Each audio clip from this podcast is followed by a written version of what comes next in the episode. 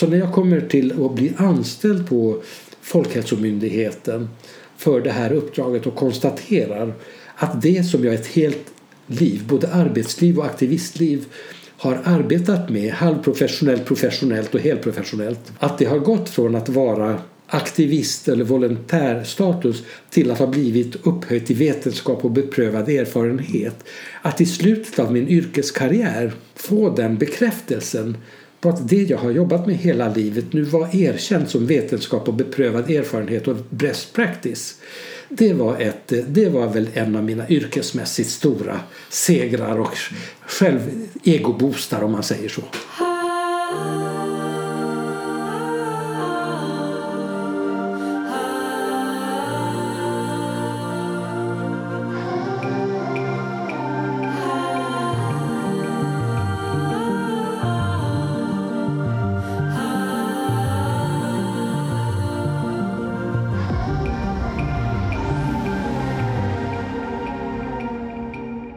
Heter Palme Lydebrant och du lyssnar på Queer Story.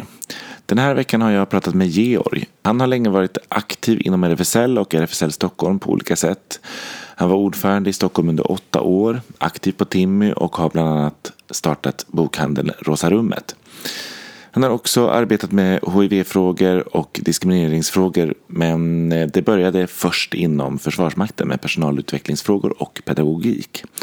Vi pratar om relationen med föräldrarna, om hur det personliga blir en politisk drivkraft och om framgångarna inom rörelsen som vi inte ska ta för givet. Det här är Queer Story med Georg Schred. Jag heter Georg Schved. Ska man, eh, ska man ha det komplett, även det ungerska, så heter jag Jörg i förnamn. Men det är en över, i översättning så kan man välja mellan Georg, Örjan och Göran och jag har valt Georg. Om jag skulle presentera mig själv så beror det naturligtvis på vem som lyssnar och vilken kontext, vad jag vill framhålla om mig själv. Men om jag får beskriva mig själv så är jag har jag tre eller fyra huvudidentiteter, kanske, eller kanske snarare tre. Jag är född i Ungern och har bott här i över 60 år, så jag är alltså född i utlandet, därav utlänning, därav invandrare. Eh, jag är av judisk börd. Jag är inte född i en religiös eh, eh, familj men min judiska kultur är väldigt viktig för mig som en levande identitet. Och jag är bög och där, därmed i modernt språkbruk, inte nödvändigtvis men i vart fall cis-man. Och jag har jobbat med diskrimineringsfrågor och mänskliga rättigheter i olika skepnader och kontexter i stort sett hela mitt yrkesliv. Så jag är invandrare, jag är jude, jag är proffsbög och jag är Georg. Eh, så det, det, det är liksom jag i ett nötskal. Du är ju född 1952. Eh, ja. Och så kom du, precis som du sa, hit till Sverige, till Hindås. Ja, det stämmer. Det var den första anhalten i flyktingläger eh, som då hette, det var på Hindås turisthotell som ligger mellan Borås och Göteborg. Och mina föräldrar kom hit efter eh, resningen i Budapest eller i Ungern 1956. Så vi kom alltså hit 1956 i november och eh, jag var alltså fyra år då. Hur, vad minns du av den tiden? Det där är en trixig fråga för att jag vet inte längre vad jag minns och vad jag minns att jag fått mig berättat. Eh, för allt sånt här går ju i varandra. Men jag minns att eh, jag red på min pappas axlar över gränsen till Österrike och jag minns att en österrikisk tant hjälpte oss flyktingar över gränsen med att jag fick en banan som då efter kriget och kommunismen var en väldigt, väldigt ovanligt i Ungern och betraktades som en fantastisk lyx. Och mamma stoppade den där, eller tanten, jag vet inte, stoppade den där bananen som den eh, exklusiva guldfynd som det var i munnen på mig och jag spotta ut det för jag tyckte det var så äckligt och jag fick en jävla örfil. För att hur, ska, hur kan du spotta ut det som den fina tanten? Det här är det finaste som finns. Och jag tyckte det var äckligt. Mm. Hur, hur är din relation till banan idag? Banan? Den är jättebra, jag äter banan. Men, men jag, kan, jag kan inte komma när du nämner det så här. Hur, vad, vad minns du? Ja, det här är ett ögonblick jag minns. Och sen så minns jag att vi kom i någon buss eh, vi kom till läger i Österrike, det här minns jag inte men det har jag fått mig berättat och fick åka med Röda Korset och vi hade släktingar som redan tidigare hade kommit till Sverige. Mormors bror hade en skinnfabrik i, i Skåne så vi satte kosan mot Sverige för vi fick av Röda Korset vän, eh, välja om vi ville komma till Sverige, om vi ville komma till Kanada eller om vi ville komma till Australien. Men eh, vi tyckte Sverige verkade rimligt. Min mamma var eh, lärare i Ungern och min pappa var eh, journalist. Eh, så småningom så gällde det ju för dem att de skulle akklimatisera sig till det nya landet. Min mamma blev så småningom bibliotekarie och pappa som inte kunde någon svenska av förståelig anledning var lite handikappad att börja som journalist och eh, började jobba som grafiker på lite olika tidningar och tryckerier. Och eh, så vi började i Borås och sen så flyttade vi upp till Stockholm 1962 och där har vi blivit kvar i Stockholm alltså mm. sen dess. Och här har jag vuxit upp i, i södra delarna av Stockholm och nu bor jag mitt i stan och definierar mig väldigt mycket som invandrare, jude, bög och eh, allmänt utvecklingspositiv. För jag ser att man är inte det man en gång har varit utan man måste hela tiden anpassa sig till nya situationer. Det finns ett gammalt jude, judiskt ordspråk som säger Var känner sig en jude som mest hemma? Ja, på resan. Och så är det med mig. Ja. Det är fint. Hur, för vi pratade lite när vi pratade på telefon om din judiska identitet. Ja. Vad, vad är det som känns viktigt i det? Ja, men det blir i kontrast till annat. Jag kan berätta en liten historia som visar varför det är viktigt för mig. Jag satt vid, eh, vid något tillfälle när vi pratade vad, eh, om Auschwitz och förintelsen och förspelet till allt detta. Vi satt vid köksbordet och, och, och, pratade med mina föräldrar. I Ungern var det då på det sättet att det infördes steg för steg allt svårare restriktioner för vad judar fick göra och inte göra. Judar fick inte ha cyklar. Eh, eh, Ungern var ju ett väldigt eh, starkt katolskt land så att man, det, man fick inte gå i gymnasiet som jude. Eh, det, det hette numerus clausus, en bestämmelse för hur många judar det fick gå i varje klass. Och då anpassade man sig till det. Min mamma fick inte eh, arbeta i vissa yrken min mamma fick gå på skönhetssalong och sopa hår mot betalning för att man skulle kunna få komma in på universitetet. Och hon ville gå och få en akademisk utbildning. Eh, och då fick hon för att visa att hon var arbetarklass och inte bara jude sopa hår och göra rent och städa för att hon skulle kvalificera sig till arbetarklassen och därmed kunna komma in på universitetet. Och då fick hon inte komma in på filosofiska fakulteten som hon ville för att plugga beteendevetenskap och samhällsvetenskap utan hon fick bara komma in på marxist-leninistiska fakulteten för att lära sig kommunismens grunder. Varför fick hon inte det då? Därför att judar inte fick läsa på universitetet. Och jag frågade, men hur kommer det sig? Hur kommer det sig att ni gjorde som ni tillsagd? Hur kom det sig att ni lämnade in era radioapparater? Hur kommer det sig att ni accepterade att behöva lämna in era cyklar? Hur kom det sig? Därför att alternativet var att bli bortförd i läger. Det var det förstår du som gjorde att vi var tvungna att göra så. Och den delen att, eh, att jag krävde en förklaring på men varför gjorde ni inte motstånd? Det har ju hela tiden präglat min uppväxt. Att den här åskådarrollen, när blir man medansvarig i sin egen offerposition? när man inte tar sig ur den. den har, det har insett så här efteråt kommit att betyda väldigt mycket i mitt engagemang och min inställning till olika faser i livet till hur jag blev behandlad som elev, till hur jag blir behandlad som arbetstagare, till hur jag blir behandlad som homosexuell. Eh, så det är lite grann eh, de delarna som eh, har präglat mitt liv. Och jag tror att det är därför också min judiska identitet när man frågar hur påverkar din judiska identitet? Vi satt vid köksbordet precis som vid de andra tillfällena för det ingår mycket i den judiska kulturen att diskutera och besvara en fråga, inte med ett svar utan med en annan fråga. Mm. Hur tänker du då? Mm. Och då sitter vi vid köksbordet och mina, jag har två bröder. De är tvillingar och de är födda här i Sverige. när vi då bodde i Borås dit vi hade flyttat från Hindås. Det var 1967 kan jag säga för det var e- under två, eh, sjudagarskriget med Israel. Och då säger min bror Peter, då tio år, Mamma, varför pratar ni så mycket om Israel? Det är Israel hit och Israel dit. Är det för att ni har varit där på semester? Nej, Peter, det är inte därför. Det är för att vi är judar. Va? säger Peter. Är ni judar? Ja, säger mamma. Det är vi. Och du också. Va? Skulle jag vara juda? Ja, men jag är ju född i Borås.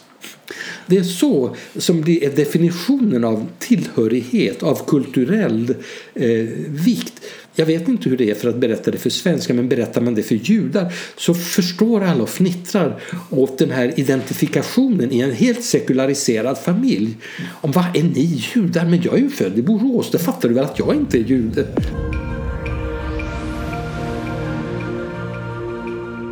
Kan du minnas liksom något särskilt tillfälle där du antingen förstod eller kanske accepterade att du var bög? Nej, eller ja, det kan jag nog komma på. Det var på elevriksdagen 1969. Nej, det var det inte, men det, processen började då. På elevriksdagen där jag var ombud. Nu är vi i SEKO.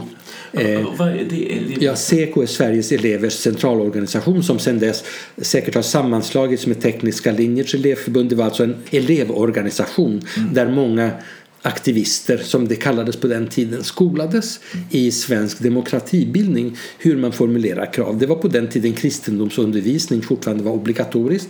Det blev så småningom religionsundervisning. Det blev så småningom en inkluderande av obligatorisk sex och samlevnadsundervisning som i och för sig varit obligatorisk i svensk skola sedan 1955 men som var väldigt dålig. Då var jag typ heterosexuell för jag kommer ihåg att två tjejer slogs om min gunst och jag hade sexuella relationer med, med tjejer på den här tiden. Men jag kom så småningom på att ja, men det här är inte riktigt. Det är inget fel på att ha relationer med tjejer men det här var inte riktigt det jag behövde. Så det var början på någonting som jag efteråt har kunnat identifiera. Mm. Att det var då det började. Ja, men jag var väl kär, det var man väl på den tiden. Det, var, det är ju i början på ungdomar när man börjar treva. Men jag insåg att jag tyckte att killar var mera spännande helt enkelt. Och eh, en början på det. Det är lite ekivokt men jag vet det var, vi var vid Flatenbadet. Vi, jag gick, det, det måste ha varit högstadiet, kanske sjuan. Och eh, det var en sån här toalettvagn som fanns på den tiden. Och så var det ett, eh, eh, någon som hade ett sånt här glory hole. Det, det var ett hål mellan båsen helt enkelt i den här toalettvagnen. Och i det här hålet så satt det en rejäl tuss med toapapper så man såg inte någonting ut. Och jag hade var helt inte ett ont anande elev som var satt på den här vagnen och plötsligt så ramlade den här tussen ut och in var det någon som stoppade en stor kuk och jag kände att det här är någonting som jag har längtat efter. Det är det här som är något för mig. Och jag blev så fascinerad av det där. Det var då jag insåg att jaha, det är det här jag är. Mm. Ganska bryskt uppvaknande om man vill så, väldigt konkret. Men det är ett sånt ögonblick när jag verkligen insåg att ja, jag är nog vad vi idag skulle kalla bög. Jag hade ingen aning om vad det hette eller skulle kallas då. Mm. Men det var då jag insåg att jag var intresserad av män. Hur, liksom, hur fortsatte det sen? Jag vet faktiskt inte men därför att nu ska vi se hur gammal är man när man är, går i sjuan? Då är man 7 plus 7, 14 va? Mm. 13, 14. Ja, så jag, det var väl ändå ganska tidigt men jag, jag fick inte min första längre relation förrän jag var äldre. Men jag var ju med killar så att eh, jag behövde nog inte prata utan jag, jag accepterade nog att jag var annorlunda och började söka mig till sådana kontakter. Och på den tiden så fanns det ju Heta linjen och det fanns liksom sociala sammanhang men det, jag började inte alls vara aktiv som eh, vad ska man säga, bli medveten om vad min homosexualitet skulle innebära för mig som människa. Jag visste bara att jag var intresserad av killar. Och att jag hade varit intresserad av tjejer så jag såg det mer som en utveckling och att nu hade jag hittat hem på något mm. sätt. Eh, så att nej, jag hade inte så många att prata med. För vem, hur träffade du killar? vid den här tiden? Ja, som bögar gjorde på den tiden. Vid bögringen på Centralen där man raggade upp killar. Vi på Klara Norra kyrkogata där, där killar gick och, och, och ställde sig på och tittade i skyltfönstret tills man blev uppraggad av någon annan som tittade på porrtidningar eller kastruller eller något lite för länge. Och hur visste man om det? Var det liksom för att det gick rykten? Ja. ja. Man började ju läsa porrtidningar och herrtidningar och Piff och Paff och Puff och, och vad det hette. Ja, man tittar på kontaktannonser. Ung man, lätt bisexuell, söker kontakt med andra. Skrev du någon gång en annons? Mm, nej, men jag svarade nog på några. Mm. Ja. Och du lite, började lite inne på det, eh, just komma ut eh, liksom, historien på Ja. något sätt. När, när är det? Jo, men det måste ha varit i eh, början på 70-talet, slutet på 60-talet, början på 70-talet. I alla fall, jag hade nära kontakt med min, min mamma och eh, den kontakten har varit nära ända sedan dess. Så jag började med att komma ut för, för min mamma vars första reaktion, men herregud, oj, oj, oj, nu kommer jag ju inte få några barnbarn och ringde till sin bästa väninna i Ungern och sa, åh, det är en katastrof. Min pojke, min fina pojke, han är homosexuell. Kan du tänka dig? Ja, kan jag tänka mig, sa mammas väninna. Det är väl inte någon större katastrof. Huvudsaken är väl att han blir lycklig. Värre saker kan väl hända. Så att eh, så småningom så lugnade sig mamma från tanken att hon inte skulle få några barnbarn. Vilket för övrigt hon har fått sedermera för mina bröder har ynglat av sig tillräckligt. Men mamma sa till mig ganska tidigt i den här processen men berätta inte för pappa. För pappa kommer inte att, att ta det här på något bra sätt. Han har en väldigt negativ syn till homosexuella så håll inne med det tills vidare. Sen så småningom så skildes mamma och pappa. Papp, mamma gifte sig med en annan man och så småningom med en tredje man. Och till slut så visste alla att jag var homosexuell utom min riktiga pappa. För det vågade jag ju inte eftersom mamma hade sagt så tydligt att men berätta inte för pappa. Och så småningom så kunde jag ju inte leva med det här att min pappa som, som jag inte hade lika nära relation med men som jag ändå hade en väldigt bra relation med i egenskap av pappa. Så jag tänkte, pappa nu vet alla, nu måste jag berätta det för dig. Jag har varit rädd för att berätta det här. Och så började, vet du att jag är bög? Och så började han storgråta. Och jag också. För att han grät. Och så berättade jag för honom varför jag inte hade vågat berätta. Och så kom vi fram till eller att han sa, men Georg sa jag gråter inte därför att du är bög. Jag gråter därför att hur kunde du tro? Hur kunde du tro att jag skulle överge dig när du behövde mig som bäst? Vad fint. Ja, det, Så det säger ju någonting om det här. Jag tror inte riktigt att, ja men så småningom kommer man att acceptera vi umgicks och familjen umgicks och mina dåvarande killar var med på alla fester och sådär. Det var helt naturligt att jag tog med mig min kille och medan andra tog med sig sina tjejer i den mån det fanns några sådana.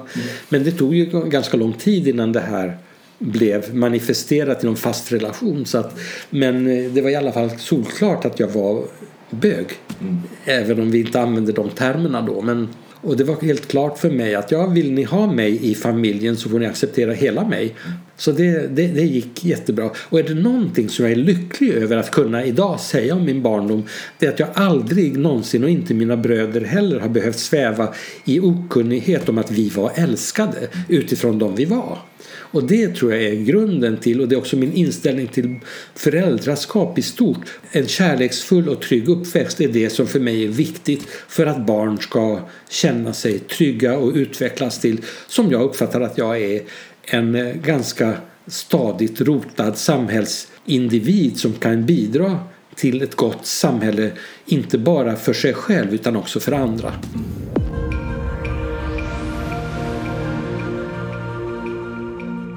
Efter studenten 74 va? Ja, så, så gör du lumpen och du Ja. blir uttagen till gruppbefäl. ja. Hur var den här tiden? ja, men den var lite komisk slår det mig.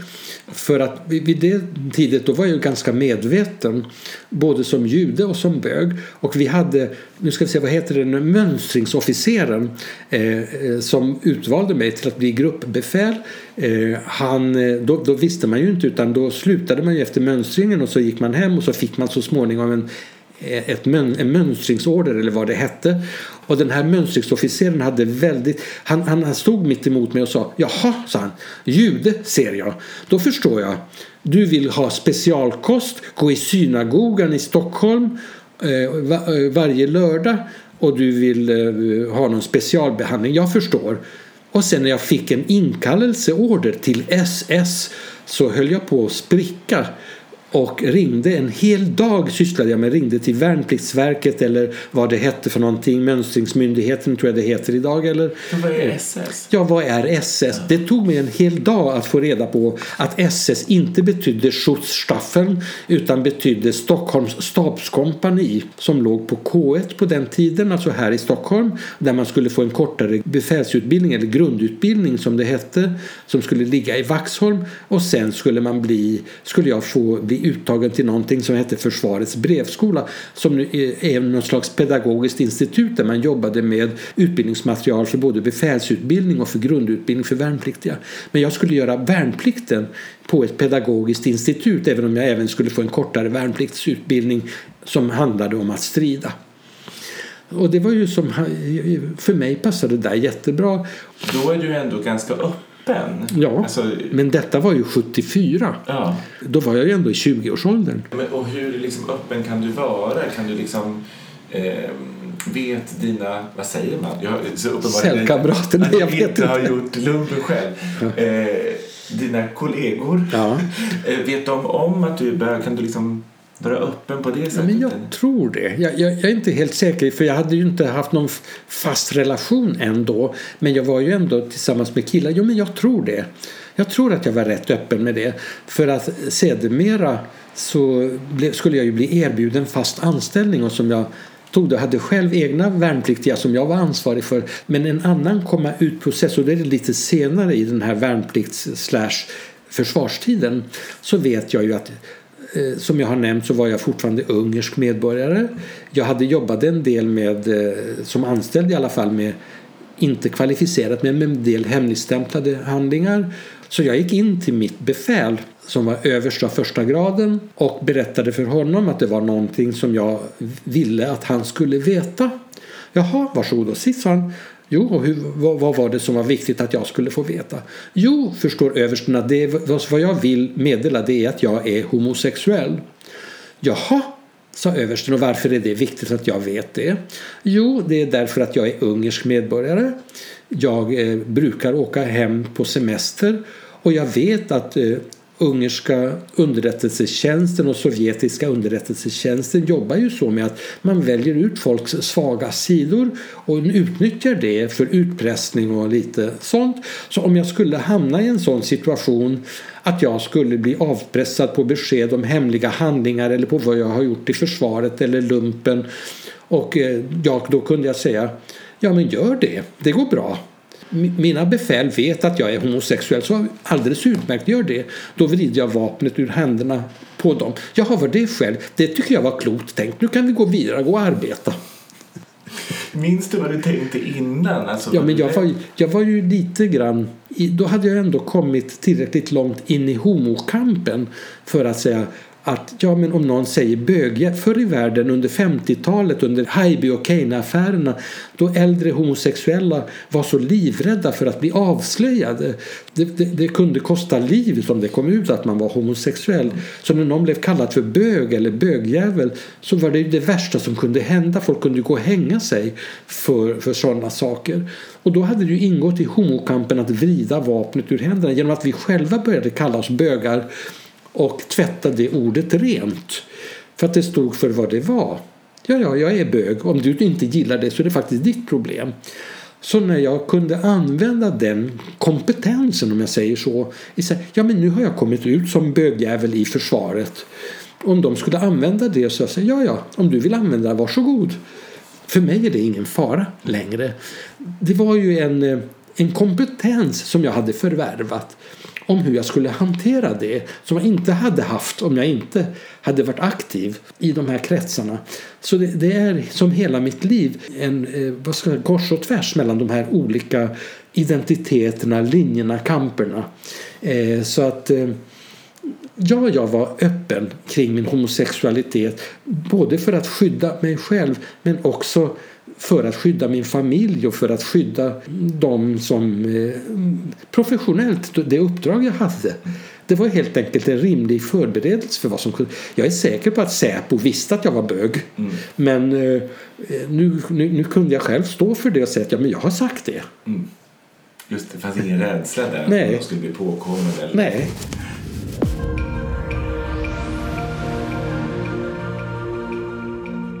Jag tänker om vi ska hoppa tillbaka lite till mm. eh, bögringecentralen ja. den tiden. Hur var den eh, tiden för dig? Så här med eftertankens kranka blekhet så är det väl eh, eh, jag, jag, kan sakna den därför att det var spännande. Eh, men jag kan, eh, jag kan också inse att det var någon slags nästan missbruk i det att ständigt träffa nya killar efter, eller män eftersom man inte riktigt Alltså, egentligen så, så, här efteråt så kan jag inte riktigt förstå varför jag inte vågade ha ett längre förhållande än ett fast förhållande. Men hur skulle man hitta de människorna heterosexuella har ju en så stor fördel i att man träffas i andra sammanhang än de rent sexuella. Man träffas på någon språkkurs eller på någon restaurang eller, eller på några gemensamma intressen som binder ihop en och sen om, om det utvecklas något sexuellt av den gemenskapen så är det en bonus.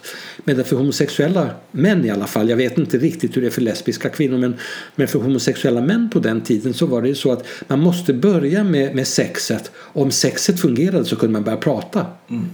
Men samtidigt så måste jag säga att det var både bra och fattigt. Mm. Är det RFSL som du först kommer till att engagera ja, dig det är det. För när, när, är det? Ja du, eh, nu ska vi se om vi går tillbaka. 1974 tog jag studenten eh, och sen så kom jag väl in i lumpen 76 eller någonting sånt där. Så det är mitten på 70-talet. Och då hade jag redan eh, efter att ha raggat upp en kille på Klara Norra Kyrkogata som var ett sånt här stråk i mammas bil och eh, haft sex och så småningom så fann vi varann. Vi hade flyttat ihop då. Vi hade bott ihop i hans lägenhet på Ölandsgatan flyttat därifrån till en annan eh, lägenhet och så småningom så hade han ärvt lite pengar och köpt en villa i Enskede dit vi hade flyttat. Och eh, det här är också ganska roligt. Det var i början på närradion. Så att jag, jag tror att första närradiosändningarna var 79. Så att vi, jag skulle gissa att vi är i slutet på 70-talet i alla fall. Gayradion var ju en, en perfekt medium för att nå människor som inte riktigt hade kommit ut därför att det var många som bokstavligt talat lyssnade med hörlurar inne i garderoben Eh, på den här sändningen från Stockholm Gay Radio som var den första närradiostationen i Stockholm som sände på närradion. Och då hade Håkan, som min kille hette, de hade en aktivitet att man kunde vinna Eh, i en, någon, någon, programpunkt som hette Rebusen och så skulle man gissa någonting med hänsyn till musik eller ledtrådar eller någonting sånt där. Och då vann man ett års medlemskap i RFSL Stockholm. Det var priset. Och då vann Håkan det här priset. Och så började han gå på möten och på aktiviteter medan jag satt ensam hemma i villan och undrade vad fan jag skulle göra där ensam. och började gå på RFSL Stockholm och blev aktiv där och med i eh, detta. Och givet den bakgrund jag har som elevrådsaktivist och som eh, företrädare så var det rätt naturligt för mig att ja, efter ja, tio gånger som eh, gäst så blev jag väl började bli aktiv som värd på Timmy där man skulle stå och servera andra och börja träffa andra och prata med andra. Och så småningom så kom jag med i styrelsen och så småningom så fick jag andra uppdrag där och jag fick två påsar böcker och 10 000 kronor i handen och sa nu ska du öppna en bokhandel eller rättare sagt se till så att man öppnade en bokhandel och det här skedde 1982. Så då har vi tidpunkten när jag med ett antal påsar böcker som hade samlats ihop och donerats började jobba för att träffa socialborgarrådet och fastighetsborgarrådet för att skaffa lokaler till en bokhandel som låg nära den här klubblokalen Timmy. Och sen så öppnade vi där 1982. Så det var mitt första egna stora uppdrag i RFSL. Och det är det som är, var Rosa rummet? Ja, den första Rosa rummet. Sen, sen flyttades ju Rosa rummet från de här lokalerna på Timmy till en egen lokal på, på Sveavägen där RFSL-huset öppnade 1988. Då flyttade ju Rosa rummet med som en del. Du öppnade den men du, också, du drev den också? Alltså allting gjordes ju ideellt. Mm. Du drev den. Så kan man inte säga men jag var, jag var chef för den. Alltså hur ska man säga? Ansvarig för Rosa rummet drevs av en särskild styrelse eller en aktivistgrupp inom RFSL Stockholm på samma sätt som gayradion, på samma sätt som gayjouren, på samma sätt som många andra aktiviteter. Det här är ju en medlemsförening, alla jobbar frivilligt, ingen är anställd. Så att jag försökte plocka upp folk som var intresserade, försökte liksom hitta människor som eh, tillsammans med mig, vi utsåg dem till bokhandlare, jag la scheman, jag ordnade tillsammans med kassörer redovisningsrutiner.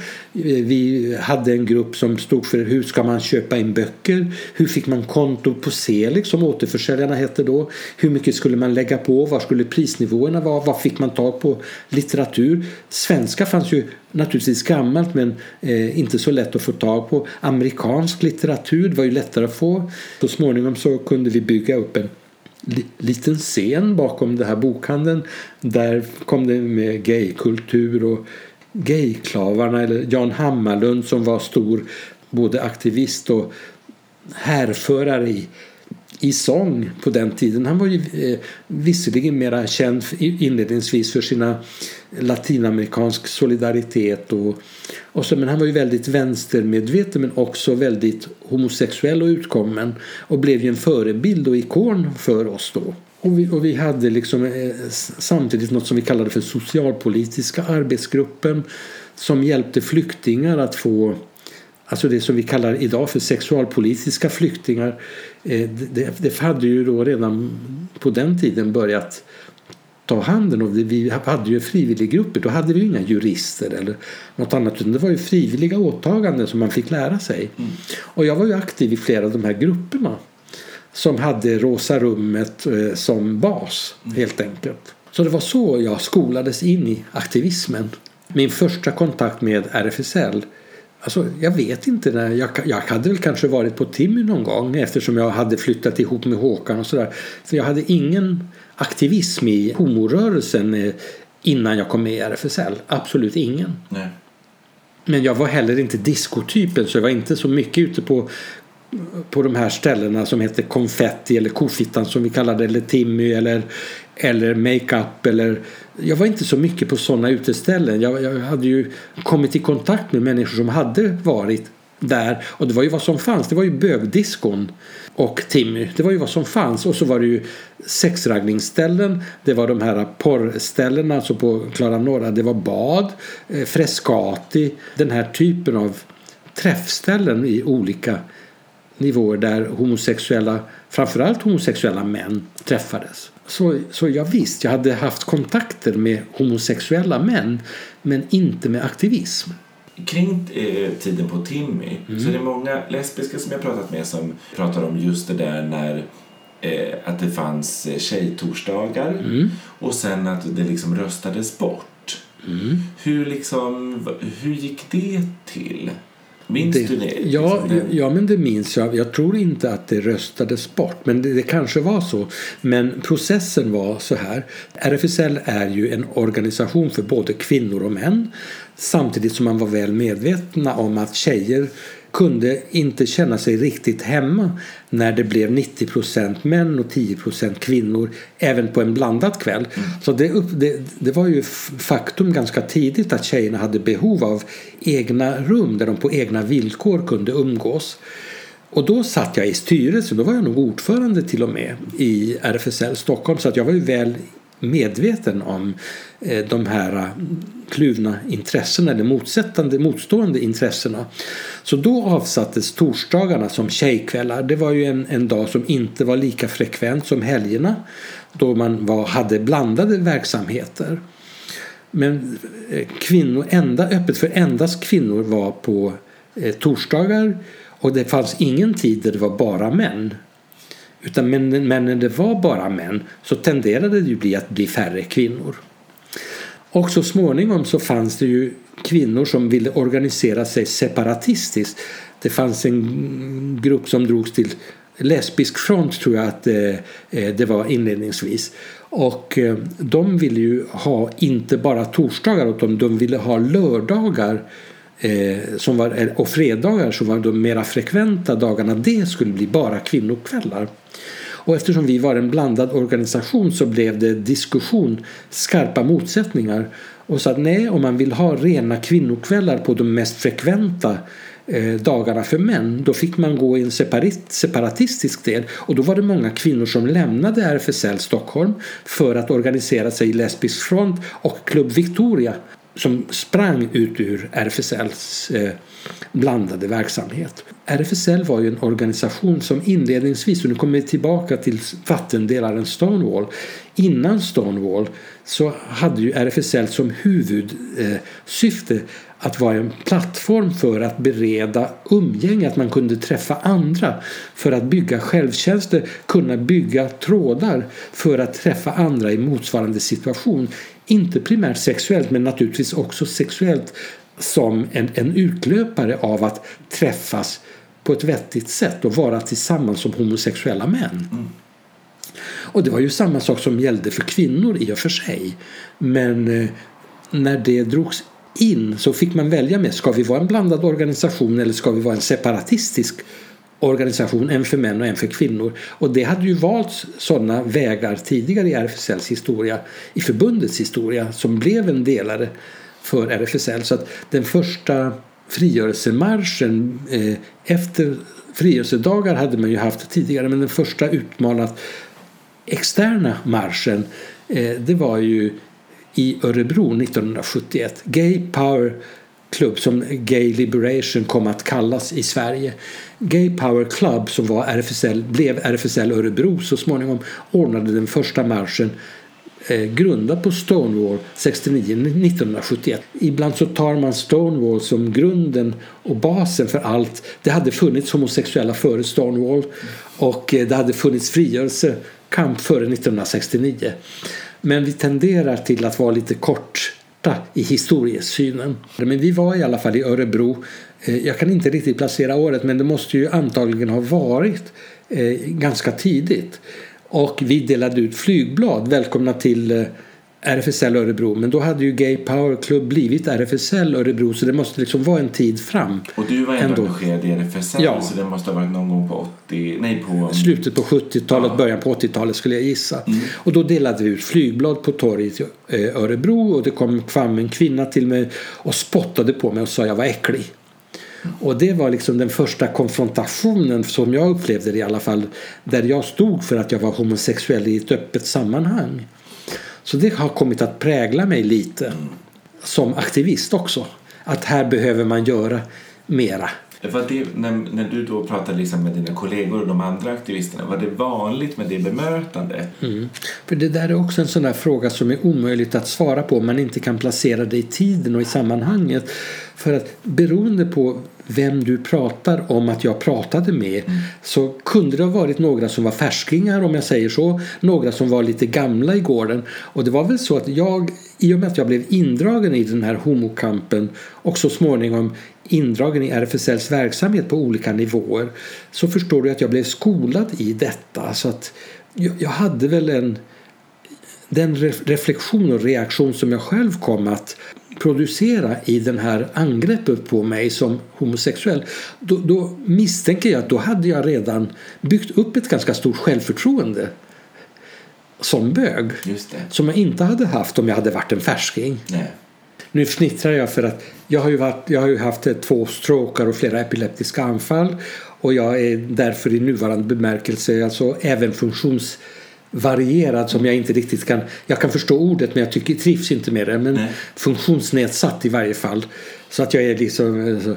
Och eh, just för att jag har haft den här typen av besvär som funktionsnedsatt nu då så kan jag också leva med strategier att jag försöker kompensera farliga situationer. Jag vet att jag måste titta, koncentrera mig på trottoaren så att jag inte går ner i en grop och ramlar.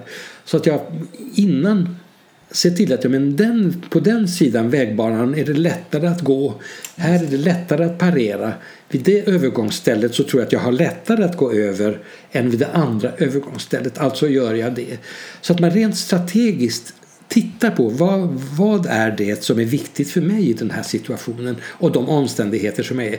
Och så jag kan i, i det beteendet känna igen hur jag har parerat andra och kompenserat andra situationer förr.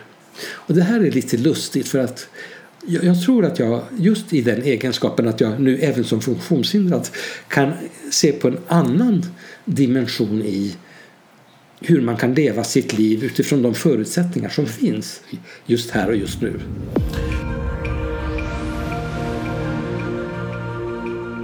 Och när, när blir du ordförande för RFSL Stockholm? Ja du, det vet jag egentligen inte. Det var nog efter 82. Jag avgick 1999 tror jag. Mm. Nej just det, då var jag anställd. Jag vet faktiskt inte, det har runnit i varandra. Jag skulle kunna plocka fram de siffrorna om det är viktigt. Men, men jag var nog ordförande i, i åtta år under den här perioden. Fram till dess att jag blev anställd 1900. Jag var kanske till och med parallellt för jag var ju anställd i förbundet men ordförande i RFSL Stockholm. Mm. Så att jag var, det gick nog parallellt. Men jag slutade på RFSL 1990, nej, år 2000. Men jag blev anställd 1970 84 någon gång tror jag. Så att det var i, i de environgerna. Och jag var ordförande i Stockholmsavdelningen när vi flyttade från Timmy till eh, de nya lokalerna på Sveavägen 1988. Då var jag ju ordförande så ta, ta fyra år dessförinnan, så säg 84 till 94 eller någonting mm. sånt där. Är du ordförande samtidigt som du är kvar i Försvarsmakten?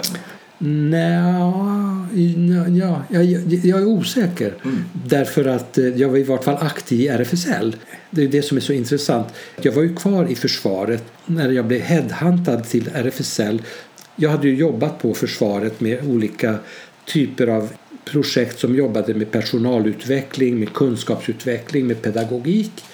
Och då blev jag headhuntad till RFSL där Margareta Böttiger som var statsepidemiolog fick de första pengarna för aidsbekämpning och RFSL skulle anställa sin första person.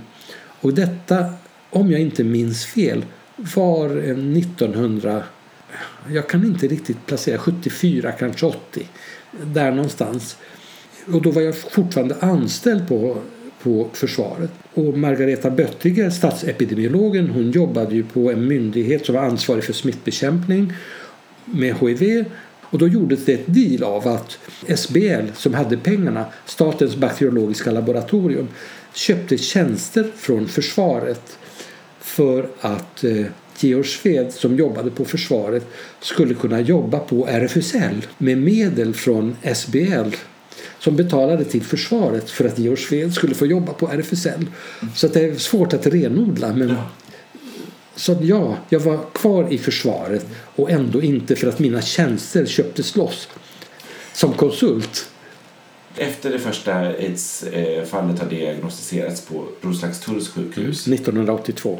1982. Ja. Och då får RFSL pengar och då vill de anställa en och en halv person. Jag, kan inte, Eller en och en halv tjänst. jag är inte riktigt säker på att det var så sent som det första aidsfallet på Roslagstull. Mm. Jag, jag tänker mig att alltså det är viktigt att komma ihåg att vi låg ungefär fem eh, år före USA vid den här tiden. Det hette inte HIV, det hette HTLV3. Man visste inte att det förorsakade aids, man visste att det var blodöverfört men vi hade inte de namnen på det. Så det, det första svenska full-blown aids, alltså utvecklade fallet av aids diagnostiserades på Roslagstull 1982. Men vi var långt tidigare klara över att män som har sex med män var en utsatt grupp som hade drabbats i USA som skulle komma att drabbas här också. RFSL var långt före staten och Socialstyrelsen och Statens bakteriologiska laboratorium i de här, eller myndigheterna, de ansvariga myndigheterna i det här avseendet. Men det var först i samband med eh, det här som landstingen och de första pengarna tillfördes RFSL. Kanske redan lite före 1982 men det var då det blev klart att det var en fråga även för Sverige. Mm. Om man skulle vara väldigt cynisk så kan man säga att det var tur för Sverige att HIV kom att drabba en grupp som faktiskt hade en organisation för oss som var homosexuella och med och organiserade i sexualpolitisk eh, sätt där vi såg att staten brydde sig inte särskilt mycket om homosexuella. De ville skydda det svenska samhället, inte den homosexuella gruppen. Det här var ju ett beteende som vi var vana i. HIV kom till Sverige. RFSL hade ett mycket aktivt internationellt nätverk. Vi visste att man i USA bland bögar hade sett en sjukdom smittsam som syntes drabba just bögar. Därför fanns en beredskap i en organisation med egna läkare, med egna psykologer, med egna sociologer, med egna pedagoger, med egna lärare, med egna aktivister som var verksamma i olika delar av samhället som kunde se att här är något på gång. Långt innan samhället, om du ser citationstecknet, de som har ansvaret för eh, den här typen av frågor en illustration mitt i. Säg att den här sjukdomen skulle ha drabbat journalister. Hur många skulle då ha ringt till Journalistförbundet och frågat vad tänker Journalistförbundet göra åt den här dödliga sjukdomen bland journalister? Ingen. Man hade ringt till eh, Socialstyrelsen, man hade ringt till landstinget, man hade ringt till smittskyddsläkaren, man hade ringt till så. Vad tänker samhället göra för att möta den här dödliga sjukdomen bland journalister? Men nu så ringde man till RFSL och frågade vad tänker RFSL göra åt den här dödliga sjukdomen som tycks drabba bögar? Och det var därför som vi var fem år före samhället. Och i januari 1983 så gick RFSL ut med en uppmaning till homosexuella män att avstå från att lämna blod.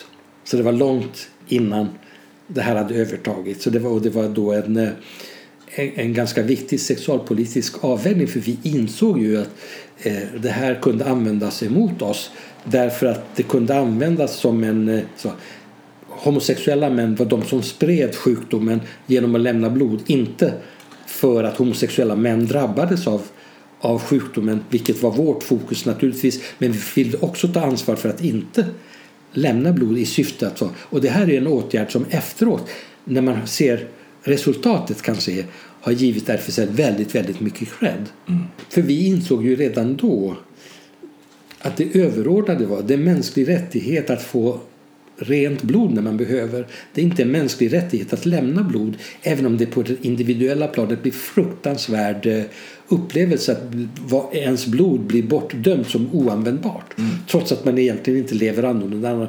Men eh, utifrån en faktisk riskbedömning av hur det såg ut utifrån den tidens möjligheter att testa utifrån den, den tidens kunskapsnivå så var det här det minst dåliga mm. man kunde göra. När blir liksom konflikten mellan Noaks ark och RFSL? Det kommer det lite kommer... senare. Men egentligen så är det inte en konflikt mellan Noaks ark och RFSL. Utan det var en konflikt mellan synsättet om man skulle kunna leva med nollrisk. Totalt ingen risk alls. Vilket var läkarnas och framförallt myndigheternas synsätt. Allting var lika farligt. Eftersom vi inte vet så är allting lika farligt. Lika farligt att kyssas som att ha oralsex, som att ha analsex, som att ha vaginalsex. Allt är lika farligt, låt bli. Mm.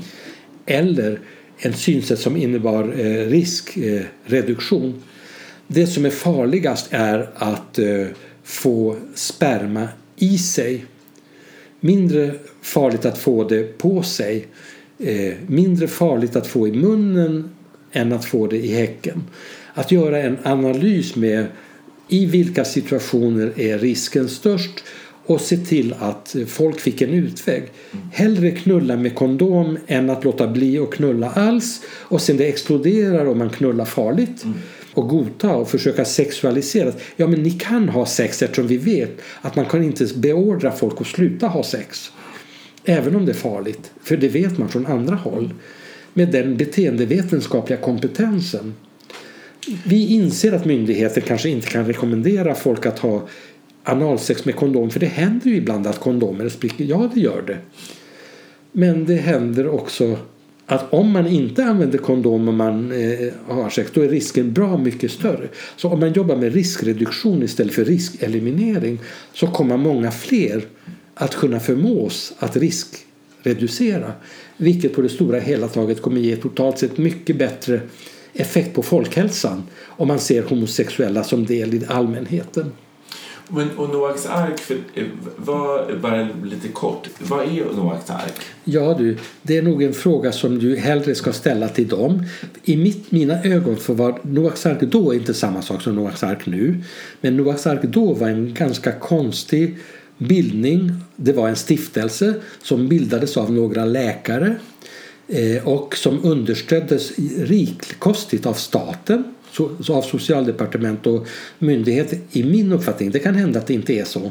Men som jag uppfattade det så här efteråt så var Noaks ark en eh, organisation eh, med stor trovärdighet eftersom det bestod av läkare och trovärdiga präster som eh, oftast var homosexuella själva men som inte stod så öppet för sin homosexualitet som för nollriskresonemanget och där staten understödde Noaks ark som en motpol till RFSL som de uppfattade som en aktivistorganisation där flera av de här läkarna öppet sa att ni vill bara slåss för rätten för bögar att få knulla även om det är farligt och därmed misstänkliggöra RFSL när vi i själva verket ville slåss för en bra och effektiv hivprevention. Så det var därför det blev en sån brytning, åtminstone i vårt ur vårt perspektiv, Noaks ark kanske har en helt annan bild av det.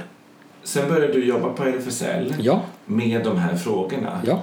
Och samtidigt så eh, är du tillsammans med Håkan ja. som också får diagnosen. Ja, vi var, Håkan och jag var tillsammans i San Francisco 1982 mm. och då visste vi inte särskilt mycket. Det var ju före det första aidsfallet i Sverige. Men eh, det var inte före diskussionerna så vi vet att det fanns vissa risker. Mm. Så då hade vi sex med en tredje kille i San Francisco. Jag skyddat och Håkan uppenbarligen inte skyddat. För vi vet så här efteråt att han blev smittad i San Francisco 1982 för att han fick en akut HIV-infektion som vi då inte fattade var en akut HIV-infektion utan vi trodde att han hade fått på en jävla influensa eller någonting. Mm. Så efteråt visste vi att det hade varit en HIV, akut HIV-infektion, att han blev smittad i San Francisco 1982. Och vi var tillsammans då och jag blev inte smittad. Han blev det. Men det kunde lika gärna ha varit jag, men kanske i varje, varje fall. Men det blev det inte. Vi kom hem, vi levde tillsammans. Vi visste inte att han var HIV-positiv förrän långt, långt senare. Och därefter så dog Håkan 1992. På den här tiden var genomsnittstiden mellan smitta och död 10 år. Precis som det var i Håkans fall. Då hade vi inga behandlingar. Så han dog 92. Under den tiden var vi tillsammans, men vi gjorde slut. Kanske 90 eller någonting sånt där. Jag vet, nej, tidigare 80, 86. Och jag vet idag att om vi inte, vår, vår relation blev mycket bättre efter det att vi hade gjort slut. Men om jag, inte, om jag hade vetat att han var hiv-positiv så hade jag aldrig kunnat göra slut med honom vid den här tidpunkten för då hade jag känt som att jag hade svikit honom. Visste han det? När vi gjorde slut så visste vi inte. Nej. Det måste ha varit eh, så när du också vet eh, Håkans status här och sen jobba med frågorna samtidigt. Ja, det var ju en drivkraft också. Ja. Det var ju därför jag kom att bli så engagerad. Därför att jag inte bara jobbade för andra utan jag jobbade också för mig själv. Och det här är jag tycker är så intressant med det här aktivistlivet och egenskapen. När blir man åskådare och när blir man medansvarig? Och vad måste man göra för att inte jobba bara för sig själv utan jobba för andra mm. också? Vad har man för ansvar att medverka till, att, till en bättre värld? Mm. Och för min del så betydde det här att nu blev det personliga också politiskt och det privata blev också politik. Och det var ju det som drev i slutet på 80-talet. Mm. Var går gränsen mellan det privata och det politiska? För då är du ändå, du har börjat jobba för RFSL, du är också ordförande i en tid av kris. Ja. Hur liksom var den tiden? Ja, alltså, det är lätt att vara efterklok och komma med schabloner men kris eh, är ju också möjlighet till utveckling som det heter på det kinesiska ordspråket. Och eh, så här efteråt, jag hade ju gärna velat se en annan blixtbelysning av homosexuellt liv än aids som det kom att bli. Men så här efteråt eh, så kan man ju tänka sig att tack och lov att vi lyckades klara oss igenom det här, inte bara med skinnet i eh, behåll utan också att kunna ta några steg framåt och kunna utveckla det här strålkastarljuset på homorörelsen, inte bara till att överleva utan också bygga strategier för att bli starkare snarare än svagare. För sen, du, under 90-talet så är du kvar på RFSL Mm, ja. och jobbar där. Mm. Eh. Fram, till, fram till 2000 ja. när jag flyttar från RFSL till att bli eh, utbildningschef och eh, så småningom ställföreträdande chef för Ombudsmannen mot diskriminering på grund av sexuell läggning. HOMO, den här myndigheten, bildades 1999 och 2000 fick jag en utannonserad tjänst som utbildningschef. Mm. Hur var det att liksom jobba eh, för HOMO? HOMO, det är skrivet med stort O. Ombudsmannen mot diskriminering på grund av homosexuell läggning. Sexuell läggning, det var då homosexualitet, bisexualitet och heterosexualitet. Och eh, så kom det att i huvudsak samman sammanväxlas eller ge intrycket av att det här var en ombudsman för homosexuella fast det inte bara var det, men det var catchy. Eh, man måste också ha ett säljande namn när man bildar en ny myndighet och ska lansera den.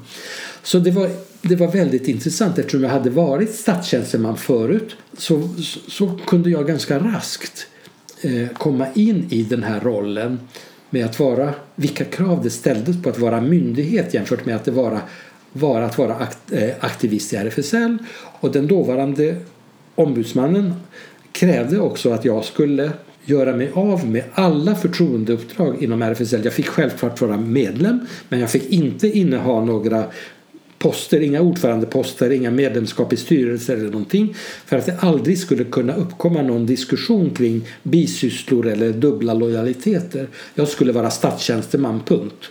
Jag hade en erfarenhet som aktivist som man kunde ta tillvara, yes, men det skulle vara raka linjer och väldigt hårt.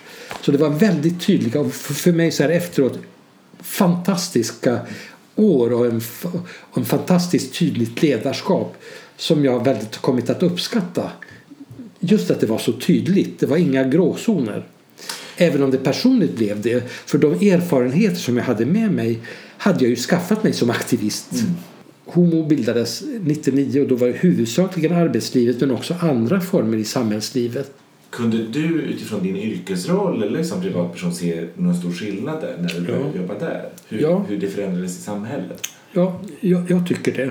Jag tror att den förändringen redan hade kommit något tidigare i och med Stonewall och i och med självbilden att man började fokusera mer på mänskliga rättigheter och inte bara på homo och heterosexualitet utan att med de, de konventionstexter som redan fanns antagna att även sexuell läggning sågs som en mänsklig rättighet så som man kunde tolka Genèvekonventionen, som man kunde tolka Europakonventionen som sedermera blev lag i Sverige men jag tror att det stora genombrottet faktiskt kom med de civilrättsliga delarna som, från det här som riksdagens uttalande 73 fram till dess att man fick de här partnerskapet, äktenskapet som jag tror att de flesta började se homosexualitet och homosexuella relationer som närvarande i samhället. Mm.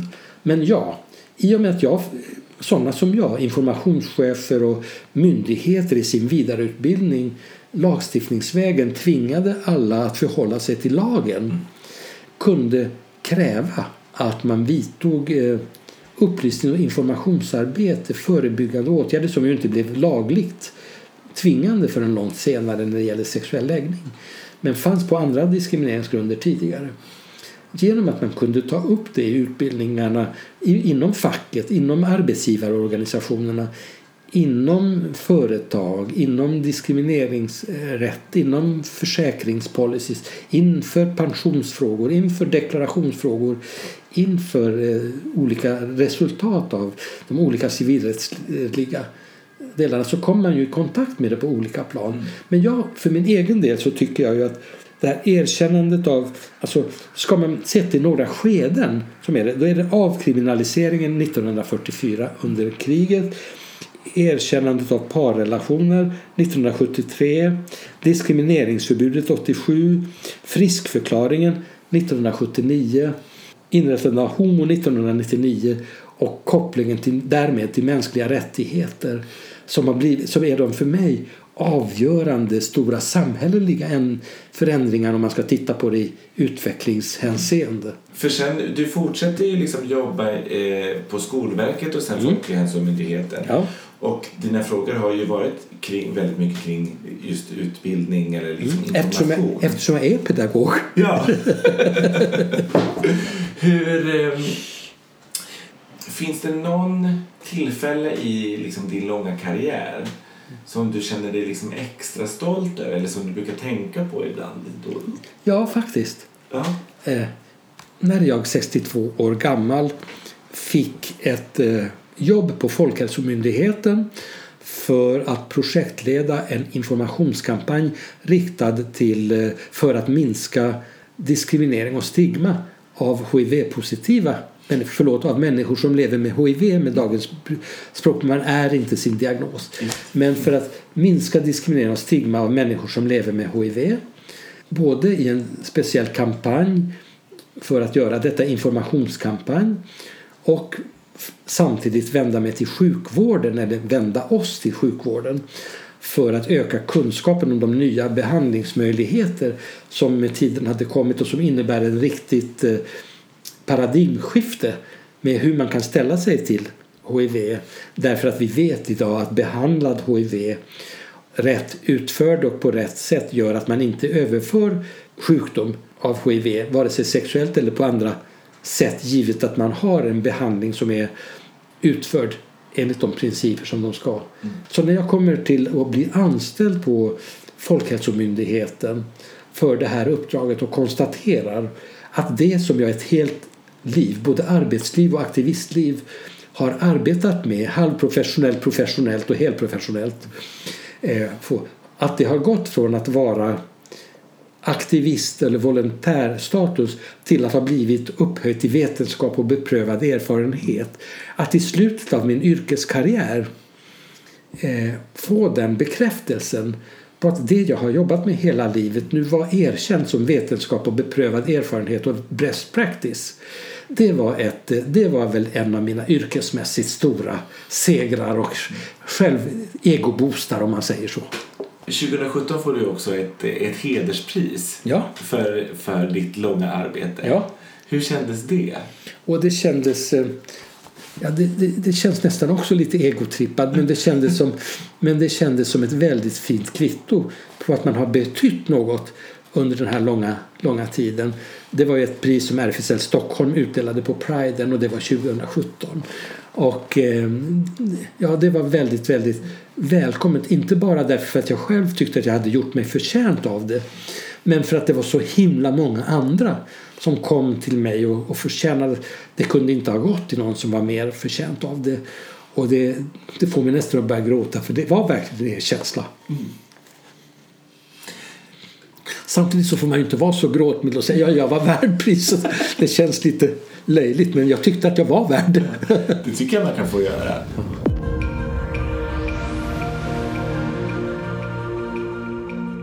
Hur ser ditt liv ut idag? Idag ser det ut som att jag efter två strokar och ett antal epileptiska anfall ändå lyckas vara ganska klar i huvudet samtidigt som jag är ganska kraftigt nedskuren min fysiska förmåga och med hjälp av olika strategier försöker leva ett så gott liv som möjligt.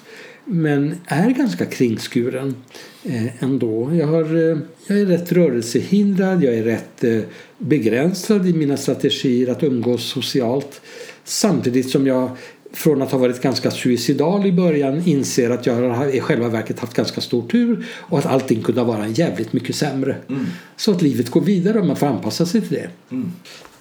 Om du skulle få välja helt fritt från ditt liv en situation som du skulle vilja se gestaltad på något sätt. Mm. Vad skulle du välja för situation? Gud, det här nämnde du. Jag har faktiskt kommit på det men jag är inte så säker på att, på att jag var på Janne Berggrens begravning. Men jag tror det. Och eh, i den här förfärliga tiden när det inte handlade, det handlade om att gå på begravningar flera gånger i veckan. Och att stryka människor ur våra adressböcker med stora kors över död, död, död, död. Eh, och att förhålla sig till det. Och när det infördes nya ritualer. Och också kopplingen till, vi pratade på telefon om Jonas Gardells eh, fantastiska skildring av eh, Torka inte tårar utan handskar. Och på hela den här delen som man gick igenom både som sjukvårdspersonal, som bög, som medmänniska. Och hur begravningarna förvandlades från bara sorgeprocedurer för enskilda människor till manifestationer av solidaritet. Och hur Janne Berggrens begravning som jag tror ägde rum 83, jag är inte helt säker på året, men eh, som alltså var i början på aids-tiderna. Och en annan sak som jag gärna hade velat se ur personlig, eller förlåt, jag avslutar den meningen, hur det förvandlades från bara ren sorg för Janne till en solidaritetshandling där gaykören sjöng där man gick med, med flaggor med homosexuell solidaritet från det här kapellet i Skogskyrkogården till, med, med kistan som ett demonstrationståg till, eh, till, till den grav där, där han skulle sänkas ner. Och det gaykören sjöng och alla grät, inte bara för Janne utan för oss själva. Som ritualer ska vara. Eh, till en annan som när det gäller aids period när jag hade varit ute och föreläsning och när jag var viktig och när jag har jobbat med kunskap som eh, källa och som grund för handling. Alltså utan kunskap ingen förändring. Det är en grundläggande beteendevetenskaplig teori. Först information, därefter handling. Och hur den grupp som hade bort känna till bäst, nämligen sjukvårdspersonal, skulle våga handla och ta i folk utan handskar eller utan att slänga sopsäckar med smittfarligt avfall på och hantera folk mänskligt så kommer jag ihåg första gången, och det här var långt före 82 när jag stod på Konserthusets trappa och träffade en kille i Malmö som jag visste var HIV-positiv. Och då hade jag varit ute och föreläst om HIV-positivitet och risker med aids och visste hur det smittade och visste vad vi hade försökt förmå sjukvårdspersonal att fatta och hur vi kramades. För första gången när jag kramade en person som jag visste var HIV-positiv och det jag tänkte i huvudet var Herregud, låt allt det här som vi har lärt ut vara sant.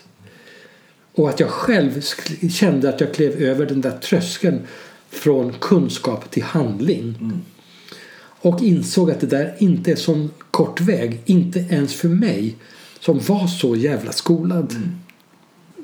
Det är kanske en sån situation som jag tror andra kunde lära av. Just den här långa vägen från insikt till handling. Eh, jag tror att jag vet att jag säger, den, som inte har, den som inte är med och skriver och dokumenterar sin egen historia blir tvungen att lita på andras sätt att beskriva den. Och där känner jag ett stort ansvar egentligen att inte bara för de som är unga utan även för de som är medelålders och även för oss som är gamla. För jag börjar bli lite gammal helt enkelt. Det, det handlar om att eh, sånt här arbete, att titta på perspektiven. Vi har idag en, en, en tendens till att se, titta på hur bra vi har det i Sverige. Hur fina våra gayparader är, eller prideparader är. Hur öppna vi är i det här samhället. Hur lätt det är att hålla varandra i hand ute. Hur fint det har blivit. Sanningen är att det har inte bara blivit. Utan det är så att varje, varje liten framgång i den här utvecklingen har, fått, man, har man fått kämpa hårt för. Och det har tagit hundratals år. Och man måste titta på dagens framgångar i det tidsperspektivet. Så det som är så självklart idag behöver inte vara självklart imorgon. Med ett pennstreck kunde president Trump stryka över alla transrättigheter man hade uppnått i det amerikanska försvaret och transpersoner var inte längre välkomna i försvaret. Med ett pennstreck kunde man säga nu bygger vi en mur.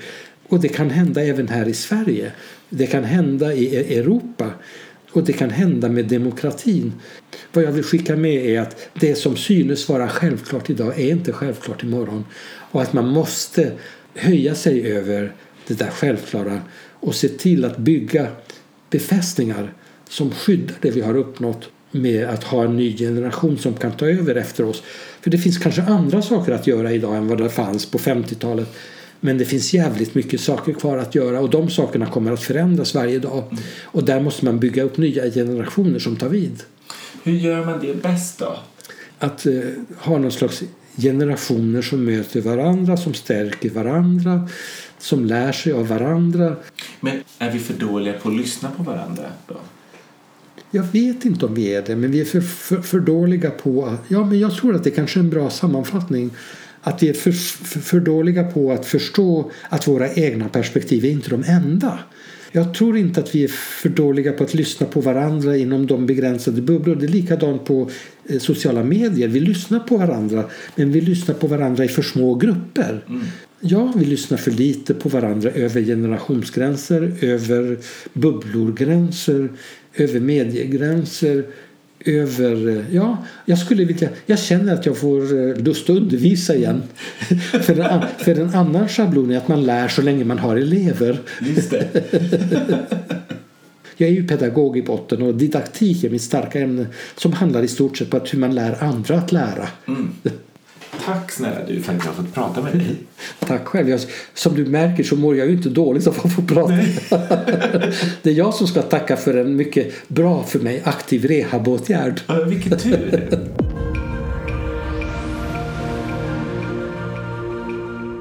Musiken är gjord av Iron Weide och Anna Nordenström.